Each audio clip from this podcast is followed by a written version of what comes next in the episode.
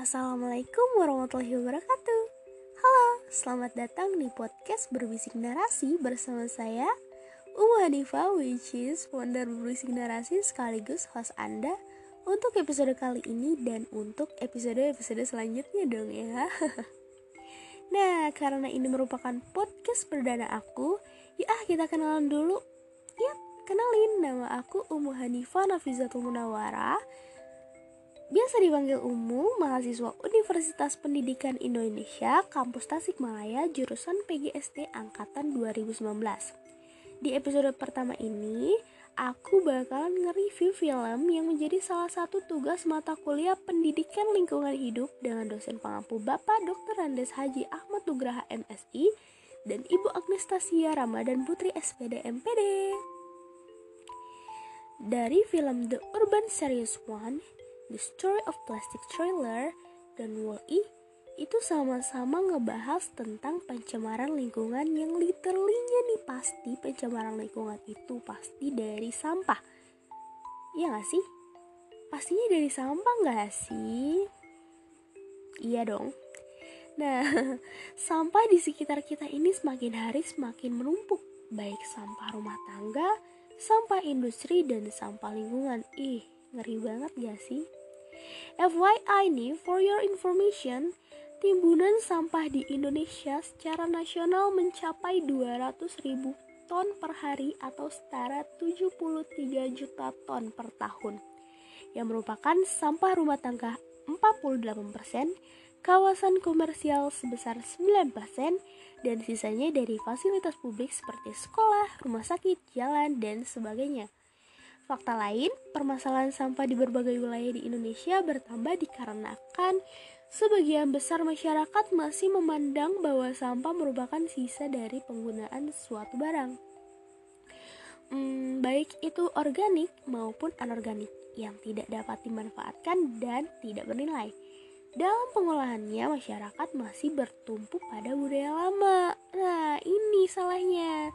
Budaya lamanya itu adalah Sampah dikumpulkan, diangkut dan dibuang ke tempat pembuangan akhir. Padahal, timbunan sampah dengan volume yang besar berpotensi melepas gas metan yang dapat meningkatkan emisi gas rumah kaca dan memperburuk pemanasan global. Ngeri banget gak sih? Udah ah kita jangan ngebahas ini lagi. Nah, dari ketiga film yang udah aku tonton yang paling berkesan bagi aku adalah film Wall-E. Wall-E adalah sebuah film yang menceritakan tentang akibat kondisi bumi yang dipenuhi sampah, membuat manusia terpaksa meninggalkan bumi. Sebelum meninggalkan bumi, manusia membuat banyak robot pembersih yang akan membersihkan semua sampah tersebut yang diberi nama Wall-E. Pada permulaan film, digambarkan bahwa Wall-E sedang memilah-milah rongsokan di antara tumpukan sampah. Latar tempatnya sulit ditebak pada awalnya sebab gersang sekali padahal daerah tersebut banyak berdiri gedung pencakar langit namun tidak dihuni oleh satu manusia pun. Wall-E dengan kebiasaannya memilah-milah rongsokan di antara tumpukan sampah pada suatu hari terkejut sebab ia menemukan sesuatu berwarna hijau. Wah, apa nih? Bukan uang dong. Bukan benda mati, melainkan makhluk hidup. Ya, tumbuhan jarang sekali Wall-E menemukan tumbuhan di bumi. Ia lekas menyimpan tumbuhan tersebut di rumahnya. Ia memang sering menyimpan benda-benda yang menurutnya penting. Sampai pada suatu hari, Wall-E bertemu dengan Eva, sebuah robot yang dikirimkan ke bumi dari Axiom. Pesawat luar angkasa Eva terlihat mendeteksi seluruh tempat di bumi, sedangkan Wall-E terus mengikuti Eva. Wall-E yang tertarik dengan Eva lantas mengajak Eva ke rumahnya. Wall-E menunjukkan hal-hal yang ia punya kepada Eva. Hal mengejutkan ketika Wall-E menunjukkan tumbuhan kepada Eva. Dengan otomatis Eva menyimpan tumbuhan tersebut pada kotak penyimpanan dalam dirinya, kemudian nonaktif. Wah, aneh banget ya. Terus Wall-E terus memanggil-manggil nama Eva. Dan dia berada di sampingnya. Yang menariknya adalah ketika sebuah roket datang mengangkut Eva untuk pergi, Wall-E dengan tekadnya pun ikut naik ke roket tersebut.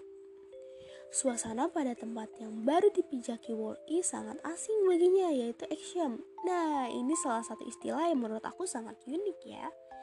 Ternyata Axiom ini merupakan luar pesawat luar angkasa yang dijadikan tempat tinggal oleh manusia sebagai pengganti bumi. Dalam film ini dikatakan bahwa bumi tidak layak dijadikan tempat tinggal oleh manusia karena suhunya yang terlalu panas karena saking banyaknya sampah, guys. Kedatangan Eva dengan tumbuhan pada kotak penyimpanan dalam dirinya sangat berpengaruh bagi masyarakat Axiom. Sebab jika di bumi sudah terdapat tumbuhan yang bertahan, itu menandakan bahwa bumi sudah layak dijadikan tempat tinggal lagi. Artinya, masyarakat Asia bisa kembali pulang ke bumi. Kedatangan Wall-E pada planet Axiom mengisyaratkan suatu prediksi pada masa depan manusia. Semua manusia sangat bergantung pada teknologi dan makanan cepat saji. Robot-robot seolah diciptakan untuk menggantikan pekerjaan manusia dan berakibat pada kemalasan manusia yang kian meningkat. Pembuat makanan, pembersih, pelayan, bahkan polisi adalah robot. Ya Allah, aneh ya tenaga manusia sudah tidak dibutuhkan lagi. Di akhir film, ada beberapa tampilan gambar di mana manusia berhasil mengolah kembali semuanya dengan kerja keras mereka.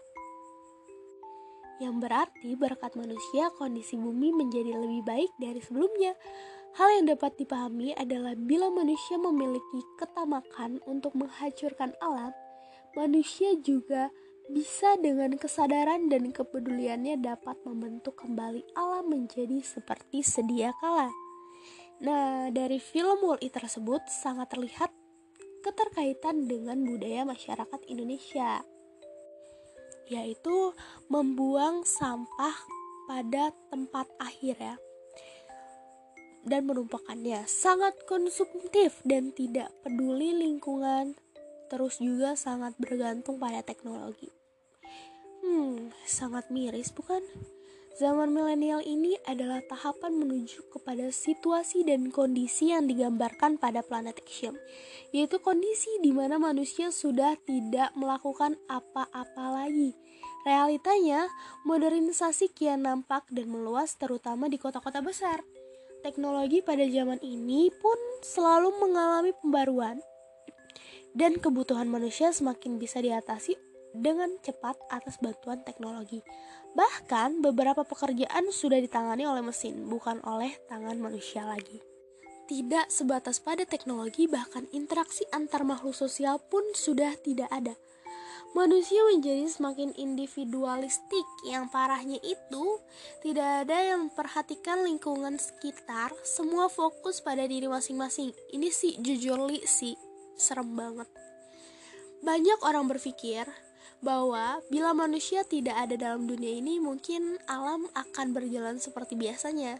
Sayangnya, dari film Wall ini memberitahukan bahwa alam sangat memerlukan manusia untuk menjaga keseimbangannya. Kadang ada yang memang perlu dirusak dan ada yang perlu dibangun demi mencapai keseimbangan. Nah, pesan moral yang terkandung dalam film Wall ini yang pertama adalah lestarikan bumi, selamatkanlah bumi, tanamlah banyak pohon. Yang kedua, jangan membuang sampah sembarangan karena akan menumpuk banyak sampah. Yang ketiga, daur ulang sampah untuk kelangsungan anak cucu kita sebab sampah yang menumpuk tidak bisa membuat kehidupan ini berjalan sebagaimana mestinya. Nah, ini sesuai dengan film yang Planning Obsolescence di mana kita harus me melakukan perubahan gaya hidup. Misalnya kayak reduce, reuse, recycle. Kita bisa membawa tempat makan dan minum dari rumah dan mengubah kebiasaan memakai kantong plastik dengan goodie bag. Demikian obrolan kita kali ini. Saya Umu Anifa, sampai jumpa di episode berikutnya. Save our forest, cintai pohon-pohon depan rumah kita.